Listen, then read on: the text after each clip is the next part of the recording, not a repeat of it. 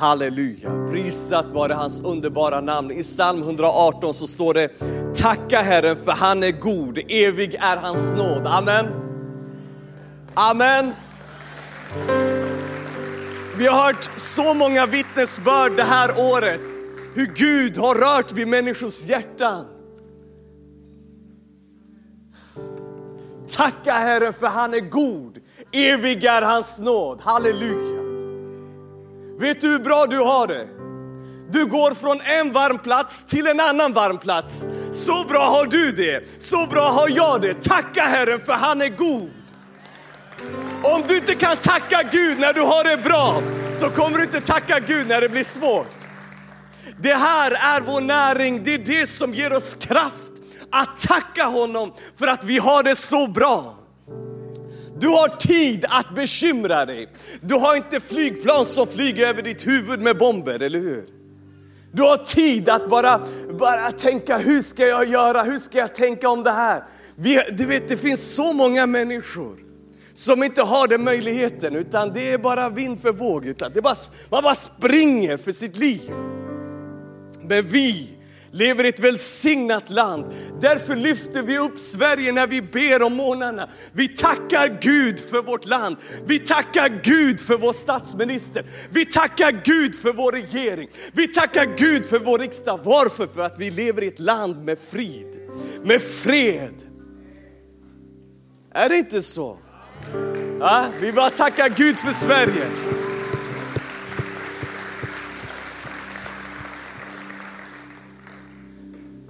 Oftast undrar man vart man ska börja. Man ska ju börja där, där, det, där det faktiskt är kritiskt. Det är kritiskt att tacka Gud. Vi har det så otroligt bra. Det är en stor förmån för mig att få predika den här förmiddagen. Tack pastor Lennart och Karolina. Det är inte bara föräldrar utan familj. Jag, jag känner en sån otrolig tacksamhet att få stå här och jag, jag gör det med vördnad. Och jag känner också en stor glädje att få predika till dig. Ni, det här är alltså familj, det är inte bara här utan allihopa. We are family. Och det är min glädje att få stå här. Jag, ibland sitter jag där och bara tänker bara, när får jag komma upp och bara få se hur mycket jag älskar den här platsen, älskar Wow Church, älskar det Gud gör mitt ibland oss. Att vi hörde bara för ett tag sedan här att 70 människor har kommit till tro. Senast här i fredags då pastor Mikael, min ledare, predikar och 10 personer ger sina liv till Gud. Du vet, jag vill vara här. Jag vill inte vara någon annanstans. En dag i dina gårdar är bättre än tusen andra. Amen. En dag i dina gårdar är bättre än tusen andra.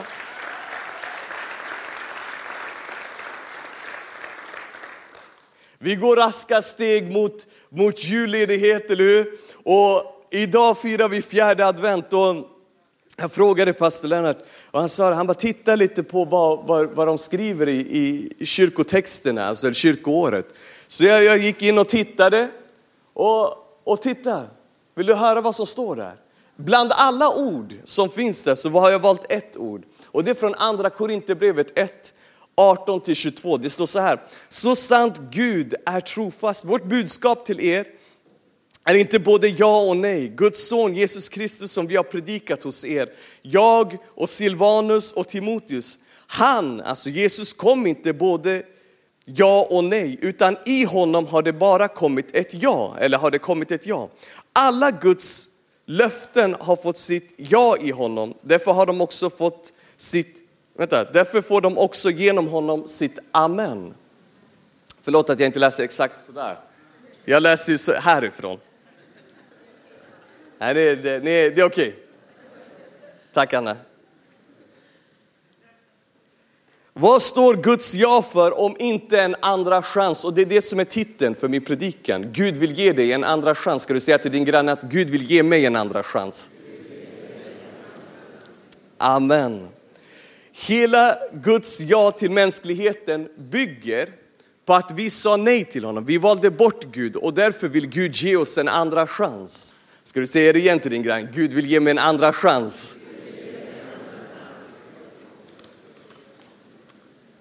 Jag är otroligt glad och det är för att Gud har gett mig en andra chans. Jag levde ett helt annat liv innan. jag kom till tro. Jag sa det till pastor Lennart här i, i fredags senast, att det, när vi var ute på klubben och festade och hade oss, liksom, då hade ni bönemöten och bad in oss. Är ni med mig? Ni, ni bad in sådana som jag, som var en hel, på en helt annan plats. Jag tänkte på något helt annat. Kyrkan fanns inte ens på kartan, inte på radarn någonstans. Att gå till kyrkan på en söndag. Man sov ju bort hela förmiddagen. Man vaknade upp vid två och undrar vad som hände igår liksom, och letar efter tabletter. Liksom, är ni med? För att stilla huvudvärken. Så var det. I Bibeln så står det att vi ska vara heliga så som Gud är helig. Att vara helig innebär att vara avskild. Och det är inte bara avskild från något, utan till något. Och det är till något jag vill prata om. Vad är det vi, ska, vad, vad är, det vi är avskilda till? Vad är det vi ska avlägga, eh, avsätta vår tid till? Vår Gud far inte omkring hit och dit och inte vet vad han ska göra. Eller hur? Eller hur han ska göra det. Utan Gud har en klar uppfattning om vad han vill göra och hur han ska göra det. Och om vi följer Gud, hur kommer det sig då att vi hamnar i att vi inte vet vad vi ska göra eller hur vi ska göra det? Det blir en, det blir en konflikt. Om jag säger att Gud vet både vad och hur och jag har ingen aning om vad eller hur. Så är min fråga om det är honom jag följer. Så om Gud säger till mig, att vägen igenom det är att kliva över det här. Då förstår jag att okej, okay, om jag följer Gud så kan det inte vara det här. Nu ska jag se, nu lämnade jag min telefon där, men vi låtsas att det här är min telefon. Så när jag kommer inför ett hinder och Gud säger åt mig att du ska kliva över hindret. Och det jag gör är att ta upp min telefon och bläddra. Och så bläddrar jag. Ska jag hålla på? Jag tänkte stå här i fem minuter och göra det här, men jag vill inte slösa din tid. Men det är ungefär så vi håller på. Och så bläddrar jag lite till och så tittar jag på andras liv och vad andra gör eller inte gör. Och så fortsätter jag så. Och så hinner människor, det, det, tiden tar inte hänsyn till det här. Så fortsätter jag bläddra och så, ja en timme har ju blivit två, två har blivit tre och sen är det ju kväll. Så måste jag tänka på middagen och, och så vidare för snart kommer ju barnen. Och så fortsätter jag. Är, är ni med mig? Så Människors liv fortsätter medan du scrollar bort ditt liv.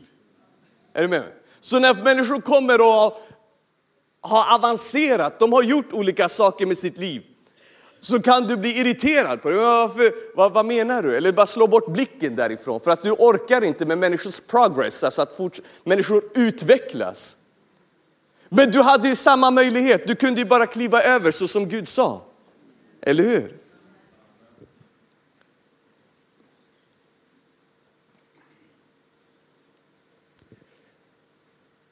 När Gud ber oss att följa honom så är det inte för att det inte finns utmaningar eller problem eller så, utan det är ju mitt i problemen, mitt i utmaningarna som Gud ber dig att följa honom.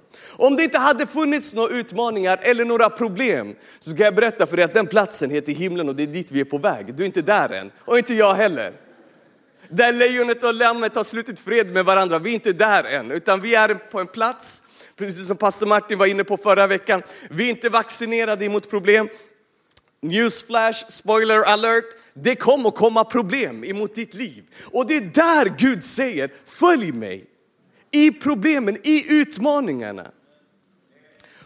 Så att landa i, jag vet inte vad jag ska göra, stämmer inte. Det finns ingen plats som heter, jag vet inte vad jag ska göra för någonting. Utan när Gud säger åt dig att du ska följa honom så är det för att han vet att, att den här platsen som du kallar, jag vet inte vad jag ska göra för någonting, existerar inte. Det är som att ett plan skulle landa på, i luften. Det händer ju inte, utan bränslet kommer ta slut och den kommer landa vare sig den vill eller inte. Planet kommer att landa. Så min fråga är, vad väljer du och jag att landa i? Väljer vi att landa i vad Gud har för oss? Eller i vad vi är vana vid? För det är oftast det som händer istället. Och, och jag, jag, tog upp här, jag vet inte om det kommer upp förutom att, jag tror att jag gulmarkerade det. Kommer det upp? Precis. Ja. Så här, Jag ska ta, ta dig dit nu. För att svara jag vet inte kan låta som en plats man kan stanna på, ett sorts vakuum där inget händer, ett status quo. Men det, det stämmer självklart inte, utan vi landar i vårt förutom att och så fyller vi det med någonting. Det finns inte, jag vet inte vad jag ska göra, utan det finns, jag vet inte vad jag ska göra förutom att och så fyller du det med någonting. Jag stod och scrollade här, förutom att scrolla. Jag vet hur jag scrollar så jag fortsätter scrolla istället för att ta tag i de utmaningar som Gud har sagt åt mig att ta tag i. Det är saker som vi är vana vid, saker som ger oss någon form av bekräftelse eller någon form av trygghet. Så vi landar alltså lite längre fram på banan som heter i förutom att och så vad du nu väljer att göra. Det kan vara att polera på något som redan skiner. Så jag vet att jag borde kliva över här, men istället för att kliva över där så putsar jag på det här glaset som är alldeles rent. Det är jättefint, det, det finns inga problem med det här glaset. Men jag, jag, jag, jag vänder mig till det här glaset och säger att vet du, det kanske är så här. Så, ställer det så här. Och så tittar jag på grannar som inte ställer sina glas på, på servetterna och undrar varför de vill ha fläckar på sina bord och så vidare. Du vet, så här, man bara hittar på problem. Man, man hittar på problem. Men, men det Gud bad mig om var att kliva över mina problem tillsammans med honom. Man kan landa i vänner, att bara umgås med vänner istället för att kliva över så bara, ja men jag umgås med de här personerna. De får mig att inte tänka på det jag ska kliva över. De, de, de borde påminna dig om att klockan går, om att det är december nu och du, du, du klev precis in i 2022. Vad hände av året? Vet du vad som hände av året? Du, människor har blivit frälsta, människor har blivit upprättade och så vidare. Vet du, människor har slutit fred med sina föräldrar. Vet du, de har vänt sig till sina arbetsgivare och sagt, vet du vad, jag tycker inte om att jobba på det här sättet. Kan jag jobba så här istället för att kunna gå och tjäna Gud på söndagar? Det är det människor har hållit på med. Jag kan berätta för dig att tiden tar inte hänsyn till att inte du vill kliva över. Amen. Vi kan landa i att skylla ifrån oss. Det är också en, en fantastisk landningsplats. Det är någon annans fel. Det är inte jag, utan det är dem. Och eh, bland den vanligaste platsen att landa är i rädsla, i fruktan. Oj, jag vill inte ha fler sådana här problem att kliva över, så jag stannar kvar här och ligger lågt. Vet du vad som händer? Det kommer att dyka upp fler runt om dig. Det blir inte lättare utan det blir svårare. Är det någon som kan säga amen på det? Jag trodde att jag hade en väg tillbaka men det finns inte heller den platsen. Alltså, jag har ingenstans att ställa mig.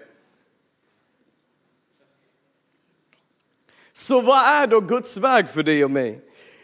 I vår församling här i Wow Church så har vi försökt komma så nära det uppdraget som Jesus har gett var och en av oss som hans följare. Det står så här i Matteus 28. Åt mig har getts all makt i himlen och på jorden. Gå därför ut och gör alla folk till lärjungar. Döp dem i Faderns, Sonens och den helige Andes namn. Och lär dem att hålla allt som jag har befallt er. Och se, jag är med er alla dagar in till tidens slut. Och tidigare i samma evangelium, i Matteus 6, så står det så här. Nej, sök först Guds rike och hans rättfärdighet så ska allt det andra tillfalla er. Bekymra er alltså inte för morgondagen, för morgondagen bär sitt eget bekymmer. Var dag har nog av sin egen plåga. Så bekymmer, problem och utmaningar, det är bara ett faktum. Det kommer, det kommer absolut inte bli varje gång som du och jag tänkt oss. Det, det, det, den världen existerar inte. Men genom att söka Guds vilja först så kommer även det andra så småningom att lösa sig. Det är ett löfte ifrån Gud. Och det första ordet som jag läste för dig är att Gud har sagt sitt ja och amen till alla sina löften. Om Gud har lovat att han kommer ge dig allt det andra också, vad får dig att tro att han helt plötsligt skulle börja ljuga för dig? Ja, men jag har inte upplevt att Gud är med mig. Hur kommer det sig att det inte händer något? Och den, den frågan är ju relevant. Amen. Men min fråga är om du står och scrollar här och inte kliver över. Om du inte följer honom här, vad får mig att tro att, han skulle, att du skulle följa honom någon annanstans? Han har sagt om du söker Guds rike och hans rättfärdighet först så ska allt det andra tillfalla dig. Att söka Guds rike innebär att jag gör det han säger åt mig att göra. Det är så vi etablerar Guds rike. När jag kliver över, vad kommer hända då? Jo, när jag klivit över på den här sidan så kommer jag vittna om att Gud tog mig igenom en plats som var omöjlig. Och hans rike kommer att etableras. Hans rike kommer att utbreda sig. Och det är det som är evangelium, de goda nyheterna. Jesus som hängde på ett kors för över 2000 år sedan kan hjälpa mig över mina hinder idag.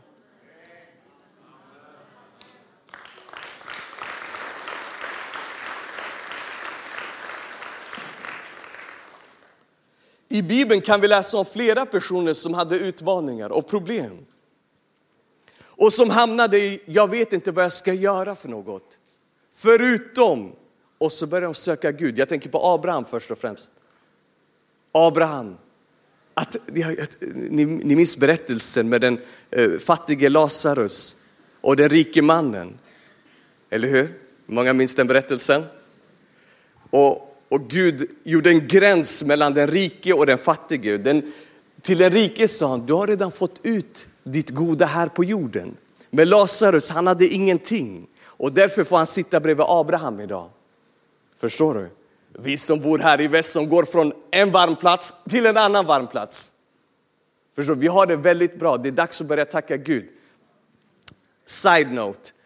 Vi går tillbaka. Abraham är i en konflikt med sin egen släkting och kring herdar. Vad gör Abraham? Han visste inte vad han skulle göra, men han visste att Gud är en Gud av frid. Så jag väljer frid framför att ta det som är för ögonen. Så när han står där och hamnar nästan i konflikt med Lot så säger han till sin, till sin släkting Lot, ta vad du vill så tar jag den andra sidan. Varför? För att han följde en Gud av frid. Han klev över sina problem. Amen. Amen. Det finns situationer i ditt liv där du behöver säga ta vad du vill. Jag tar det andra för Gud är med mig. Amen. Mose, han hamnar i en situation där, där Gud kallar honom. Ni, ni minns bus, vid busken, vid elden. Gud talar till honom att han ska vara med och befria Guds folk ut ur slaveriet. Han bara, hur? Jag kan inte tala. Så vad börjar Mose göra? Han börjar gå tillbaka till den platsen där Gud talar till honom. Han börjar gå upp mot berget. Så jag vet inte vad jag ska göra för någonting, förutom att söka honom. Och det finns sådana situationer i våra liv där vi behöver börja etablera den här relationen. Där när jag inte vet vad jag ska göra för någonting, då rör jag mig mot berget. Eller hur? Vi brukar säga det, jag minns Raske när han var ny i, i min wow-grupp och vi sa så här, ja, men vi ses på berget imorgon 5.30 så visste han inte vart vi menar. Jag, jag bara nej, alltså det, det är på böneberget, det är där vi ses, vi ber på morgnarna. Det är där vi hittar honom, för vi vet inte vad vi ska göra här nere. Amen. Så att vi får himmelska lösningar på jordiska problem.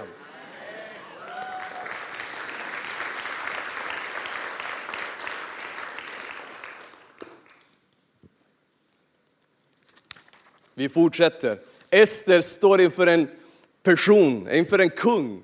Hon har alltså fått höra att hela hennes folk ska raderas. Jag vet inte vad jag ska göra för något.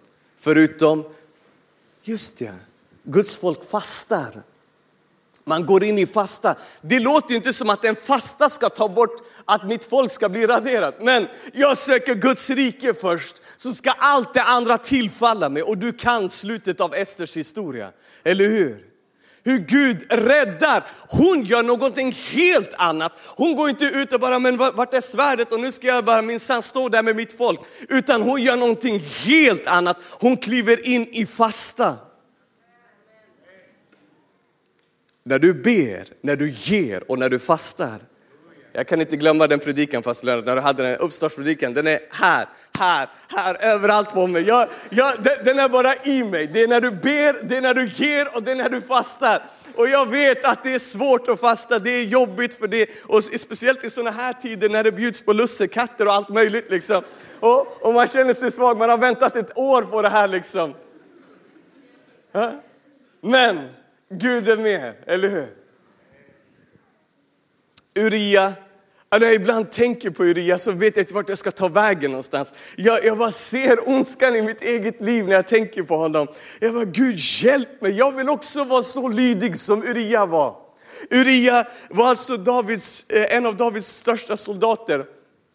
Han blir kallad tillbaka av kung David. Kung David var någon annanstans, han var på fel plats. Så han försökte leda Uria till fel plats. Han försöker få honom att börja dricka och, och ja, gå in till sin fru. För att få henne, eh, för att det ska se ut som att det är Uria som har gjort henne med barn. Men det var inte, det var inte Uria, utan det var ju David. Eller hur? Men Uria kände en sån, en sån ofrid. Han bara, jag kan inte gå in till min fru medan mitt folk är ute i krig. Så han stannar kvar utanför sitt eget hem. David, kung David försöker till och med berusa honom för att han ska fatta fel beslut. Men han gör inte det. Och sen väl ute på stridsfältet så sänder kung David ett bud till andra soldater och säger till dem att falla tillbaka så att Urias står längst fram och dör i striden, men han viker ändå inte av. Du vet att när du, när du är i fältkrig så ser du vad de andra gör. Om de andra faller tillbaka så kan ju du också falla tillbaka. Men han hade inte fått den instruktionen, därför stannade han kvar och dog för evangelium. Du är inte med. Lyssna, lyssna med din ande. Han kunde ha fallit tillbaka med de övriga, men han hade inte fått instruktionen att falla tillbaka. Därför stod han kvar med livet som insats. Glory to God säger jag bara för sådana människor.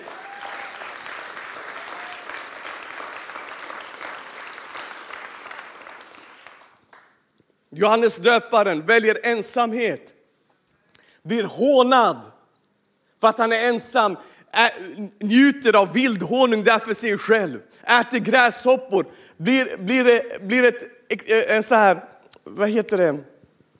um Askebe, jag, jag, tänker på det här att han blir som, nästan som en nidvisse, någon, någon man skämtar om, någon, någon man behandlar dåligt liksom med sina ord för att han är så annorlunda. Men han valde solitude, han valde ensamhet med Gud för att han hade ett uppdrag. Han skulle röja undan stenarna för människor.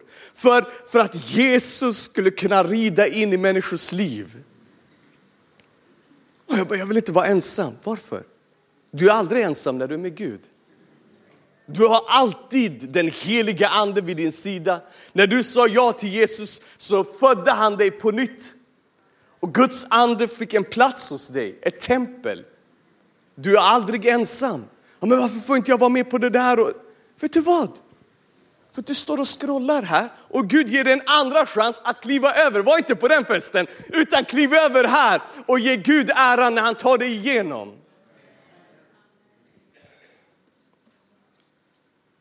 Stefanus blir stenad i Apostlagärningarna. Du kan bara läsa om det här. Och vad gör han? Jag vet inte vad jag ska göra för någonting, förutom att förlåta. För Gud är en Gud av försoning. Så när de kastar stenar på honom så förlåter han dem istället. Det är ju helt ologiskt. Men hans vittnesbörd ekar i våra hjärtan. Inte stenarna. Ja, hur många var det som kastade sten? Det är ingen som bryr sig om de som kastade sten. De som anklagar dem, det är ingen som kommer ihåg dem. Utan den vi kommer ihåg är Stefanus. För att han valde en annan väg och det blir ett vittnesbörd för oss idag. Paulus och Silas sitter fast. Den berättelsen kan du också i Apostlagärningarna. Istället för att börja ge sig på de här bojorna, bara, hur ska vi ta oss ut? Det börjar bli kallt, det är sent och så vidare. Vi borde, borde vara på någon annan plats. Men där väljer de att prisa Gud. De börjar lyfta upp Gud och där öppnar han upp deras bojor åt dem. Inte medan de höll på att ta sig, försökte lirka upp det här utan medan de prisade Gud. Helt tvärtom.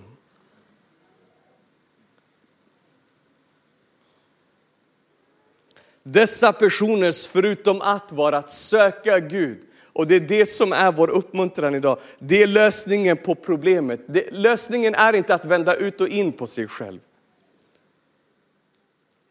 Lösningen är inte att fly in i andra saker. Utan lösningen är, var och förblir i att söka Gud. Det är vår lösning. Det som predikas från den här plattformen vecka in och vecka ut, det är att inte ge upp att, få när, alltså att inte ge upp, att få närheten till Gud. Och i slutet av oktober hade vi en fantastisk konferens här som hette I believe. Och där det bland annat talades ut att vi likt Obed Edom ska ta in förbundsarken i våra hem. Förbundsarken, det var vittnesbördets ark, i det, eh, förlåt, vittnesbördets ark. Och det är en guldbeslagen kista, alltså det var en kista som var alltså, täckt med guld. Och där låg båda tavlorna som Mose hade fått. Arken, det var det synbara vittnesbördet om Guds närvaro. Och det är det här som vi har blivit uppmuntrade till att bjuda in i våra liv, i våra hem. Att bjuda in Guds närvaro i, i vårt hem, i, i våra hjärtan där vi befinner oss. Det står så här i Hebreerbrevet 9 och 4. Förbundsarken, alltså jag läser från efter och där. Förbundsarken som var helt överdragen med guld, i den fanns en guldkruka med mannat. Där fanns Arons stav som hade granskat och förbundets tavlor. Tre saker som jag skickar med dig, som jag upplever att Gud har lagt på mitt hjärta. Det första, det är mannat. Mannat, vad representerar, vad är det det symboliserar? Det symboliserar vägledningen ut ur slaveriet. Det är ett uttåg. När Gud ska ta dig från ett slaveri ut i hans frihet, alltså in i löfteslandet, så kan det ibland upplevas som att ah, jag vill gå tillbaka. Det kändes som att det fanns mer där i mitt gamla liv. Är det någon som har känt så någon gång? Varför ska jag ta den här vägen? Den känns så torr. den känns som en öken. Det hade varit enklare att stanna kvar på den här sidan av mitt hinder. Men när Gud ska föra ut ur ett slaveri så är den här, när vi för in Guds närvaro i våra liv, när vi för in arken så blir det en påminnelse om att Gud kan duka ett bord i öknen. Vi har en Gud som kan duka ett bord i öknen. Han kan låta manna regna över våra liv. Amen. Halleluja. Du vet när vi börjar tänka på purjolöken så kan Gud låta det regna över våra liv. Om vi fortsätter framåt. Fokusera inte på det gamla utan det finns en väg igenom när, vi, när Gud ska ta oss ut, alltså en exodus. När, när vi ska lämna vårt slaveri så finns det en torka som väntar och i den torkan så om vi håller fast vid att gå hans väg så kommer man att regna. Hur många kan vittna om att manna har regnat i en svår period? Titta på händerna. Under en svår period så låter Gud manna regna över våra liv. Gud är densamme igår, idag och i all evighet. Amen. Det andra var, det var ju Arons stav. Staven representerar att Gud är med oss. Mose och Aron stod inför en svår situation där människorna anklagade dem. De anklagade Gud, de knotade, de klagade på Gud. Men staven representerar att Gud är med. För att Mose sa till folket, låt alla stavar bara föras in för arken så ska vi se vem som grönskar. Och han lät Arons stav grönska.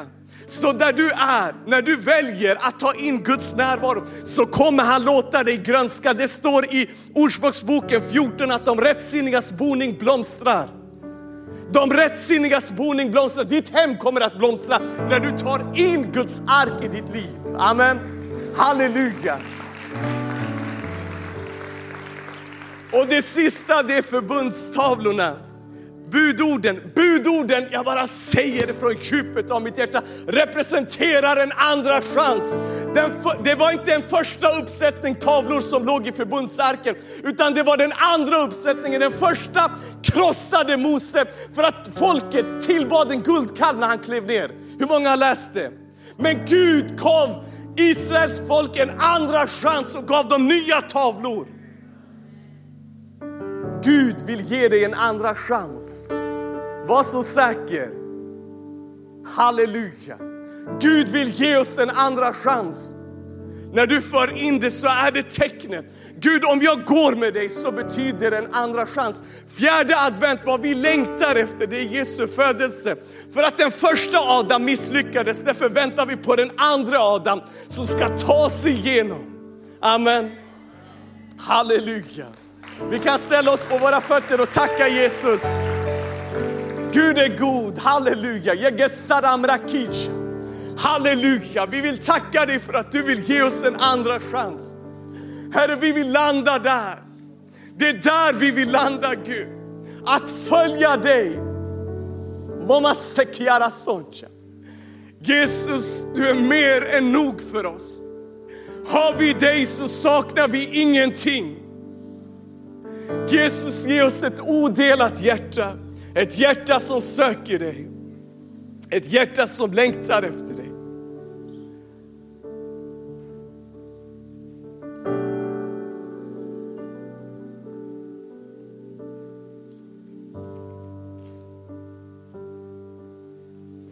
Herre, jag ber att du ska verka på våra hjärtan. Heliga Ande, rör vi oss.